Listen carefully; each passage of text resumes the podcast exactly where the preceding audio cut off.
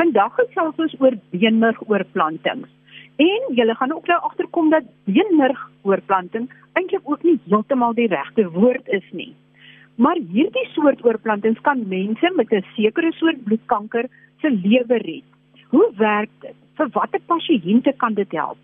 Waarom word beenmerg of dit wat uit die beenmerg gekom gebruik om kanker wat bloedselle betref te behandel?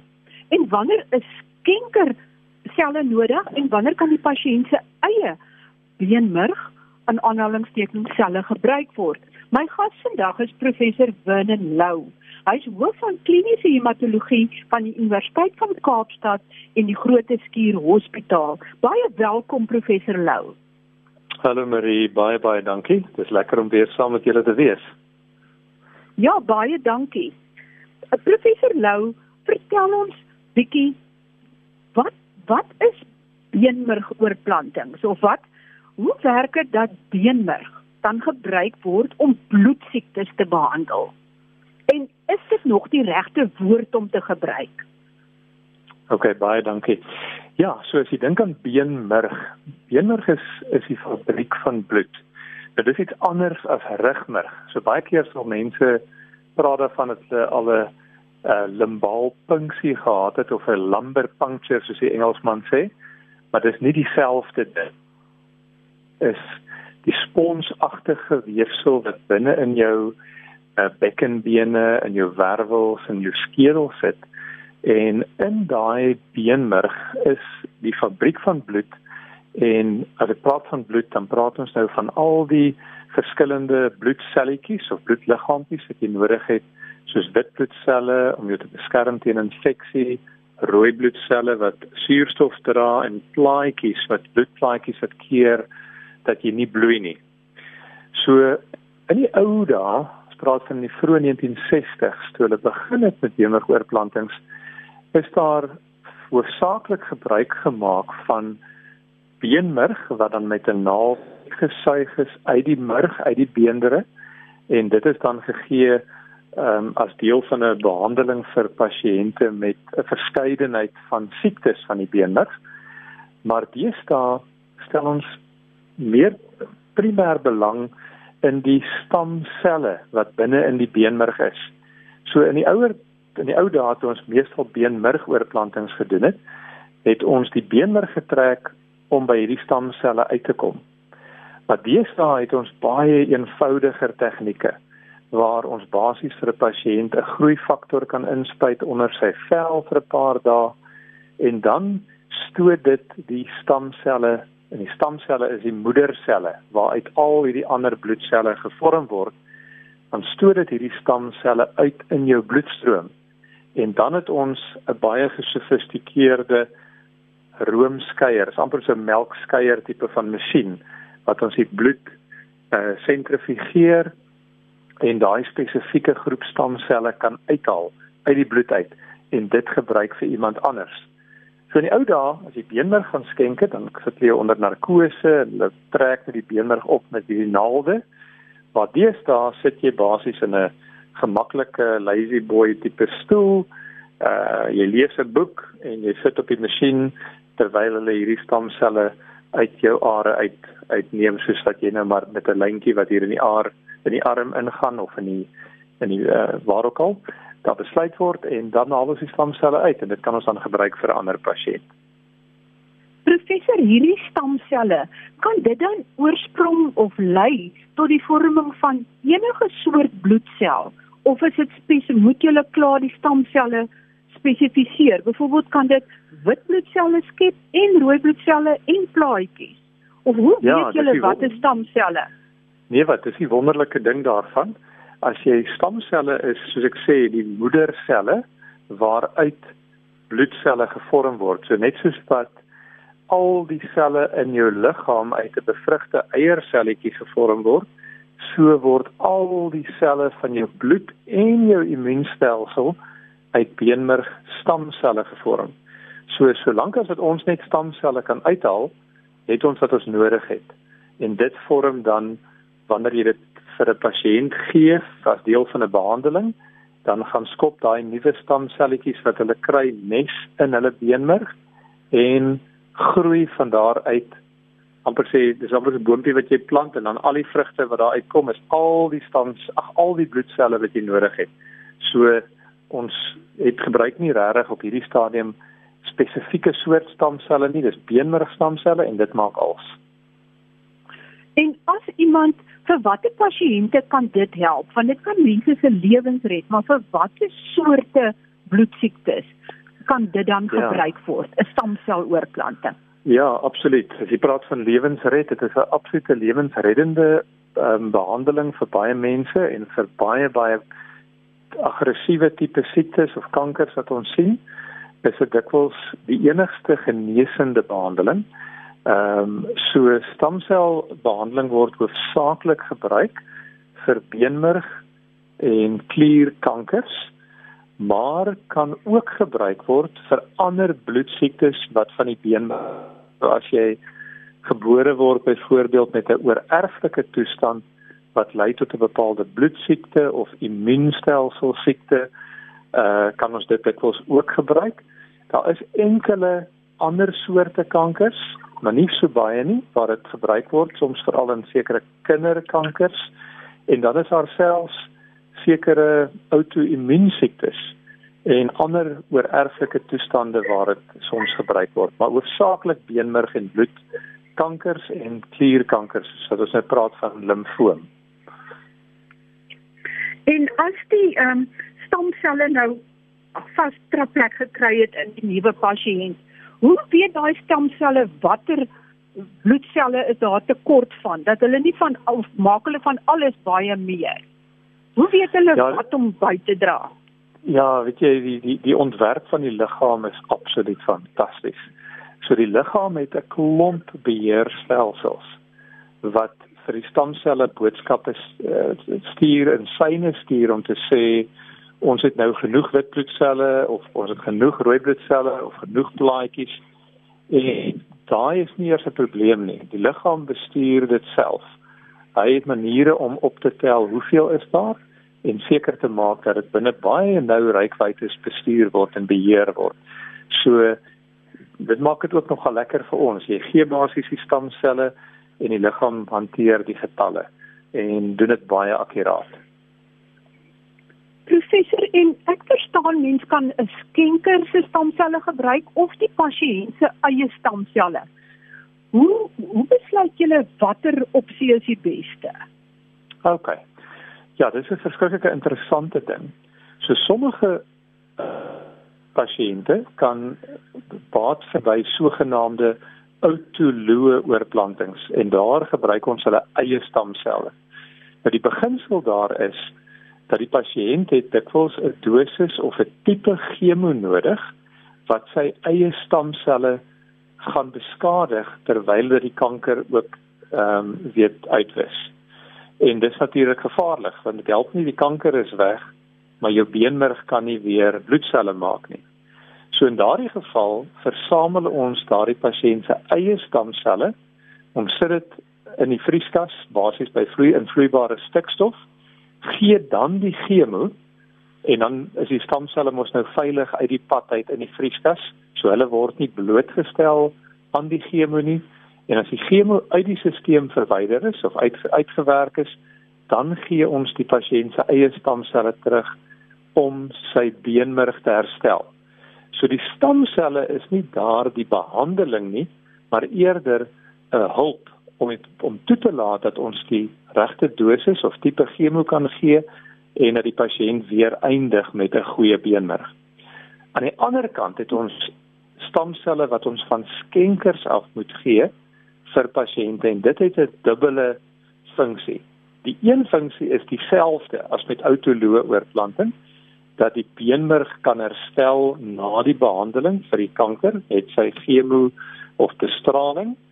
Maar die tweede interessante funksie is dat die stamselle van die skenker groei dan 'n nuwe beenmerg met nuwe bloedselle, maar ook 'n nuwe immuunstelsel. En die skenker se immuunstelsel speel 'n baie belangrike rol in die ontvanger om dan die kankerselle een te een vir een te gaan uitsoek en te vernietig. En dis 'n baie kragtige effek veral in sekere leukemie en beenmerg en bloedkankers. So dis nou waar daar sekere kankers wat jy eenvoudig dit help nie om autoloog te doen nie. Jy moet 'n skenker se selle kry want jy soek daai immuuneffek. Daai effek wat die die die skenker wat 'n uh, goeie immuunstelsel het, die ontvanger wat 'n swak immuunstelsel het kan help om sy kanker te vernietig. Is daar 'n stadium wat die pasiënt wat die been die stamselle ontvang wat sy immuunstelsel nog verder verswak word deur die chemoterapie wat hy baie fyn dopgehou moet word, miskien in isolasie geplaas moet word of wanneer hy van 'n ander skenker 'n oorplanting moet kry, dat moet sy eie beenmerg vernietig word of word dit nie meer so gedoen nie? Ja, jy is heeltemal reg. Daar is verskeie intensiteite van oorplanting. So wat wat ons begin toelaat hiersta om ook ouer mense te oor te plant wat wat ehm um, voorheen nie sou gekwalifiseer het nie as gevolg van die intensiteit van die chemo, maar dit wissel van siekte tot siekte. En maar alle oorplantingspasiënte word gewoonlik in isolasie geplaas vir 'n periode waar ons hulle in 'n enkel kamer verpleeg ehm um, en spesifiek in 'n omgewing waar dit baie skoon is om hulle te beskerm gedurende die periode wat daai nuwe stamselle moet begin amper sê neskop en groei. So met elke oorplanting nadat die pasiënt sy aanvanklike chemobehandeling gegee het, gekry het en dan sy stamselle gekry het, is daar 'n tyd wat dit vat, net soos wat dit 'n tyd vat vir 'n saadjie in die grond om te begin wortel skiet en 'n plantjie te maak, vat dit gewoonlik tussen 2 en 3, soms 'n bietjie langer, 2 tot 3 weke vir die nuwe beenmerg om te vorm en die nuwe selle om te groei. En in daardie tyd het die pasiënt baie ondersteuning nodig met weet ons hou hulle fyn dop vir infeksie, hulle kry spesiale kos met 'n minimum kans om infeksie daarvan te kry. Hulle mag dalk bloedoortappings nodig hê om hulle te ondersteun of te oorbrug vir daai 2-3 weke. En dan sodra hulle herstel, uh is dit altyd 'n spesiale dag wanneer so 'n pasiënt kan huis toe gaan. Professor, as iemand 'n orgaanoorplanting kry en stamselle is tog maar selle van 'n ander persoon, is daar enige kans op verwerping of hoe verminder jy daai kans dat daar verwerping kan wees? Heeltemal reg. So dis die pasiënt kry spesiale addisionele behandeling om hom te help of haar te help aanvanklik om die stamselle van 'n ander skenker te aanvaar. Aan die liggaam se eerste reaksie as daar 'n vreemde orgaan of vreemde stamselle in die stelsel inbeweeg is om daardie stamselle as die vyand te beskou en dit te vernietig. So ons gebruik verskillende medikasies om die pasiënt se immuunstelsel te kalmeer en toe te laat dat die nuwe stamselle aanvaar word. Anders sou dit nie gewerk het nie. En dan is daar ook natuurlik die die omgekeerde waar wanneer die stamselle van die skenker 'n nuwe immuunstelsel in die ontvanger bou dat die nuwe immuunstelsel nie kan hou van die ontvanger nie en dus die ontvanger se organe aantas. En daarvoor gebruik ons weer ook medikasie om daardie proses te keer. En is dit natuurlik ook belangrik om 'n goeie skenker te kry. Iemand wat se uh, stamselle goed genoeg ooreenstem met met die kom ons sê die beenmerg of die immuunstelsel van die ontvanger. En daar's maniere wat ons daarna kyk. En dan kies ons 'n skenker en 'n ontvanger wat die beste by mekaar pas om hierdie komplikasies te verminder of te te probeer vermy. Kyk julle net na bloedgroep of nou wat kyk julle nog? vir die weefsel om te pas. Ja, so ons kyk bloedgroep is een ding wat ons na kyk, maar dit is nie so so belangrik nie want ons kan mense met verskillende bloedgroepe kan skenkers vir 'n ander persoon wees. So die as daar 'n verskil is in bloedgroepe, ja, ons moet aanpassings maak wanneer ons bloedoortappings gee, maar dis nie 'n probleem nie. Ons kan dit hanteer. Ons kyk eintlik na 'n spesifieke ehm um, genetiese samestelling van die skenker en die ontvanger. wat vir ons kan sê en dis toets wat ons dan nou spesifiek doen voor die tyd wat ons sê hierdie ontvanger en hierdie skenker pas goed genoeg by mekaar. So dis dis eintlik baie meer as bloedgroep. Is dit kom daar baie keer as daar baie seldsame samestelling van die DNA ja. of die van die bloed is dat is miskien 'n ontvanger iemand in Kaapstad wag en dan spoor hulle met groot internasionale moeite iemand op in Duitsland wat 'n die geskikte skenker kan wees. Heeltemal reg. Dis heeltemal reg. En ehm um, jy praat van Duitsland, ons kry nogal toevallig gereeld skenkers uit Duitsland. Miskien ook omdat 'n deel van ons populasie uh van Europese afkoms is, maar dit is heeltemal korrek. Ons het um, in Suid-Afrika die ehm um, die South African Bone Marrow Registry in die Sunflower Foundation wat natuurlik daar is om uh skenkers en plaaslike skenkers te soek en ons eie skenkerbank op te bou. Ehm um, en terloops dit beteken eintlik net dat iemand hulle dat hulle naam opsit en hulle bloed laat toets, dit beteken nie noodwendig dat hulle hulle hoef nie stamselle te gee voor die tyd nie. Dit is net dat as ons eendag 'n pasiënt het met dieselfde genetiese samestelling, dan word hulle gekontak en gevra of hulle bereid sou wees om te help en ons is so dankbaar vir al die mense wat letterlik lewens red in ons stamseloorplanting vir baie pasiënte. Want ek wil amper sê die grootste probleem vir ons is pasiënte wat nie skenkers het nie en wat ook geen ander behandelingsopsies het nie. Maar as ons nie in Suid-Afrika regkom nie, dan gaan soek ons in die buiteland en ons is gekonnekteer met banke wêreldwyd. Maar dit bly moeilik veral van ons vir ons uh plaaslike mense van ehm um, uh veral Afrika afkomspasiënte wat ehm um, dikwels nie skenkers vind hier nie as gevolg van groot genetiese diversiteit en 'n beperkte aantal uh, skenkers uit sekere etniese groepe. So ons wil regtig die hele Suid-Afrikaanse populasie aanmoedig om skenkers te word um, as hulle andersins gesond is. En en is dit is ek wil vra is dit meestal darm die geval dat mens uit die nabye familie, die pa of die ma of die broers of susters of so wel 'n skenker kry, 'n geskikte skenker kry of nie? Ja, in die, in die, vir, vir elke broer of suster wat jy het, het jy gemiddeld 'n 25% kans dat een van hulle so 25% kans per broer of suster gemiddeld dat hulle 'n geskikte skenker vir jou sal wees.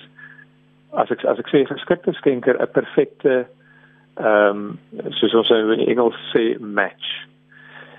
Die is ja. daar het ons die vermoë om vir sekere van die kankers 'n oorplanting te doen van 'n pa of 'n ma of selfs van 'n kind um, of 'n broer of 'n suster wat net 'n 50% match is. Ons kon bevore doen nie, maar die tegniek is nou gevorder genoeg. Ons doen dit op die oomblik is dit amper die algemeenste tipe oorplanting wat ons doen ehm um, hier in Groote Schuur Hospitaal.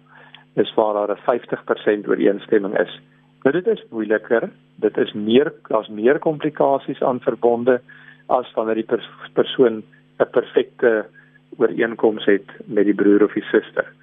Pa of ma of kinders is is amper altyd 'n 50%. Dit gaan nooit meer as 50% wees nie. Ehm um, maar ja. So ons is gelukkig dat daar meestal wel 'n skenker is, maar maar nie altyd 'n perfekte een nie en dis waar ons die die, die beenmergregister so nodig het is om daai perfekte skenkers te vind wat die kanse van genesing soveel beter maak vir die pasiënt. Moet jy professor moet jy gereeld um, internasionale uh, skenkerbanke ge, van hulle gebruik maak? Ja, dis daar's altyd koste faktore wat dit moeilik maak, maar ek sê dit maar redelik gereeld. Ehm um, ons het nou die oomblik 'n jong vrou in die eenheid wat 'n internasionale skenker gehad het. So ehm um, dit gebeur 'n paar keer 'n jaar, maar as gevolg van die kostes want so oorplanting daar's baie baie duur om so stamseloorplanting te ontvang vanuit die buiteland. Hy word ingevlieg met 'n koerier. So dit is baie baie kostelik en uh, en dit is nie altyd moontlik vir die pasiënte om die om genoeg geld bymekaar te maak om daardie proses te betaal nie. Want dis nie iets wat altyd weet ehm um, befonds kan word in die staatsomgewing byvoorbeeld of deur alle mediese fondse nie. Ehm um, mense sou graag wou hê dit moet so wees, maar dit is nie altyd so nie. So uh, ja, dit is dikwels moeilik en daarom wil ons graag hier in Suid-Afrika 'n sterk bank ophou. As ek van net gehoor het, as jy die persoon se eie stamselle gebruik, hergebruik. Ja. Is daar nie 'n kans dat van die kanker in daai stamselle kan wees en dat jy eintlik weer beskadigde stamselle terugplaas nie. Of hoe hoe kan jy op 'n manier seker maak dat jy daai risiko verlaag? Hmm. Ja, Marie, dis 'n baie goeie vraag en ek dink die persoon wat daai probleem gaan oplos, gaan verseker 'n Nobelprys wen. Ehm um, en dit is absoluut altyd 'n teoretiese moontlikheid dat dit kan gebeur wat ons wel weet dat as ons daardie tipe behandeling gee met eie stamselle, selfs al is daar potensieel ehm um, nog kankerselletjies teenwoordig, ons weet dit werk baie beter as om dit nie te doen nie. Wat ek ook moet bysê is dat die stamselle, wanneer ons stamselle gebruik vir die pasiënt se eie gebruik, soos sy eie stamselle, is dit nie gewoonlik 'n genesende behandeling nie maar dit koop vir ons dikwels 'n paar jaar tyd. Ehm um, en dinge vorder deesdae so vinnig in terme van kankerbehandeling en kankergenees ehm um, geneesmiddels dat 2 of 3 jaar se tyd wat jy kan koop is dikwels genoeg om jou te bring by uh weet of dit pasiënt tyd te gee totdat daar iets nuuts op die mark is of iets nuuts beskikbaar in 'n kliniese proef wat dalk vir hulle van waarde kan wees. So ons gebruik dit baie veral in die staat waar ons ander middele maar beperk is en dit is seker een van die beste behandelings wat ons ook het. Sommige interessantheid halwe Almal weet tog van die drie tenore. Nou José Carreras was die kleintjie van die drie tenore tussen Placido Domingo en uh Luciano Pavarotti. Hy was 32 Hy was 42 jaar oud toe hy in 1988 'n autoloë stamseloorplanting gehad het nadat leukemie by hom gediagnoseer is. Hy's nou byna 74, so byna 32 jaar gelede het hy hierdie behandeling gehad en dit het vir hom 32 jaar gekoop en hy is steeds going strong. So professor, as jy moet sê daar's heelwat seker kinders wat wat hierdie behandeling nodig het en ook volwassenes, maar wie kan stamselle skenk? Ja, net net voor ek daardie vraag antwoord, ek wil net net gou ietsie sê oor oorlewing. So die langslewende beenmergoorplantings persoon in die wêreld wat ek van bewus is, is Nancy McLean. En sy is in 1963 oorgeplant in Minnesota in Amerika en leef nog steeds. Dis ons praat van 57 jaar gelede. Sy word nog steeds gesien deur haar dokter wat haar oorgeplant het. Hy is nou al in sy 80's en werk nog steeds 5 dae 'n week as hematoloog en klim klim ses stelle trappe elke dag na sy kantoor toe. En ek ken die ek ken hom ek het hom persoonlik ontmoet. Hy is 'n absolute legendariese figuur in ons wêreld Dr Robert Kyle wat nou in sy mid-80's is en nog steeds dikwels die hoofpraatjie gee by kongresse, 'n ongelooflike man. Maar net om vir te net om vir vir die luisteraars te sê vir vir vir die pasiënt Nancy McLean in 1963 het sy siekte gehad wat vir haar 'n 90% kans gegee het om dood te wees binne 1 jaar. En hier is ons 57 jaar later en sy sy aktief en sy leef nog steeds.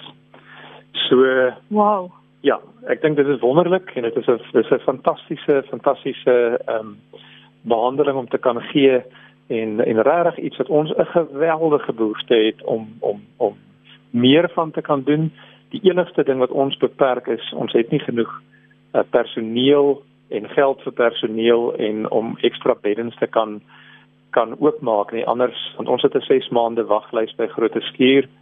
Ons wil baie graag meer doen, meer pasiënte vinniger help, maar die middele is op die oomblik net nie daar nie. So ons ons werk hard daarna toe om te kyk wat ons kan doen om om meer te kan doen vir ons vir ons bevolking en vir ons vir kinders en vir ons pasiënte en en is baie opwindende werk. Dit is baie baie bevredigende werk om te doen.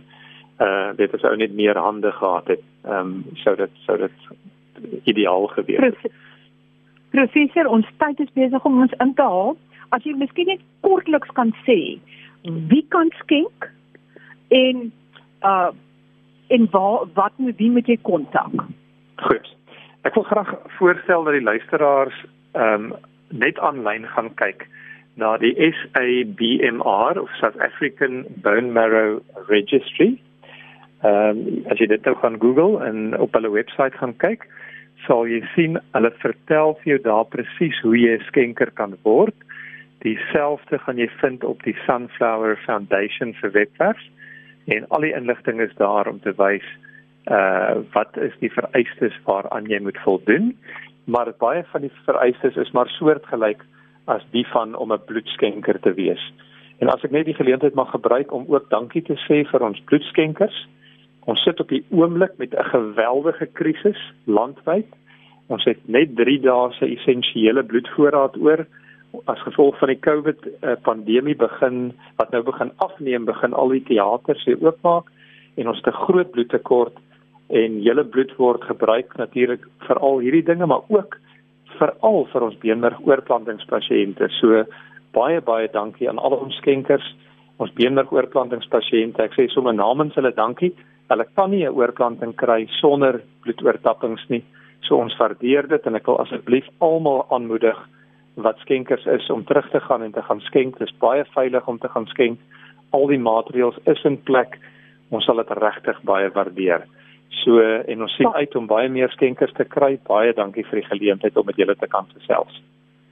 Baie dankie. My gas vandag is dit was of is professor Vernon Lou van kliniese hematologie by Grootskuur Hospitaal. Ek sal die webwerwe se skakels op die webwerf van RSG plaas sodat julle kan sien wie geskikte skenkers is. Sluit volgende week weer by ons aan vir gesondheidsake en dis groete van my Marie Hudson.